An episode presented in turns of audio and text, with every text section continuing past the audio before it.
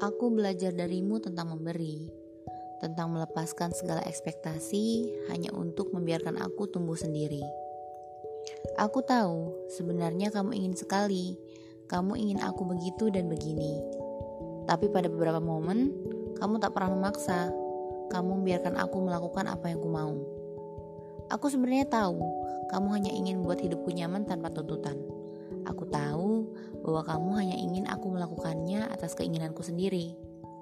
Sebelum mengucap kata maaf, izinkan aku mengucapkan terima kasih.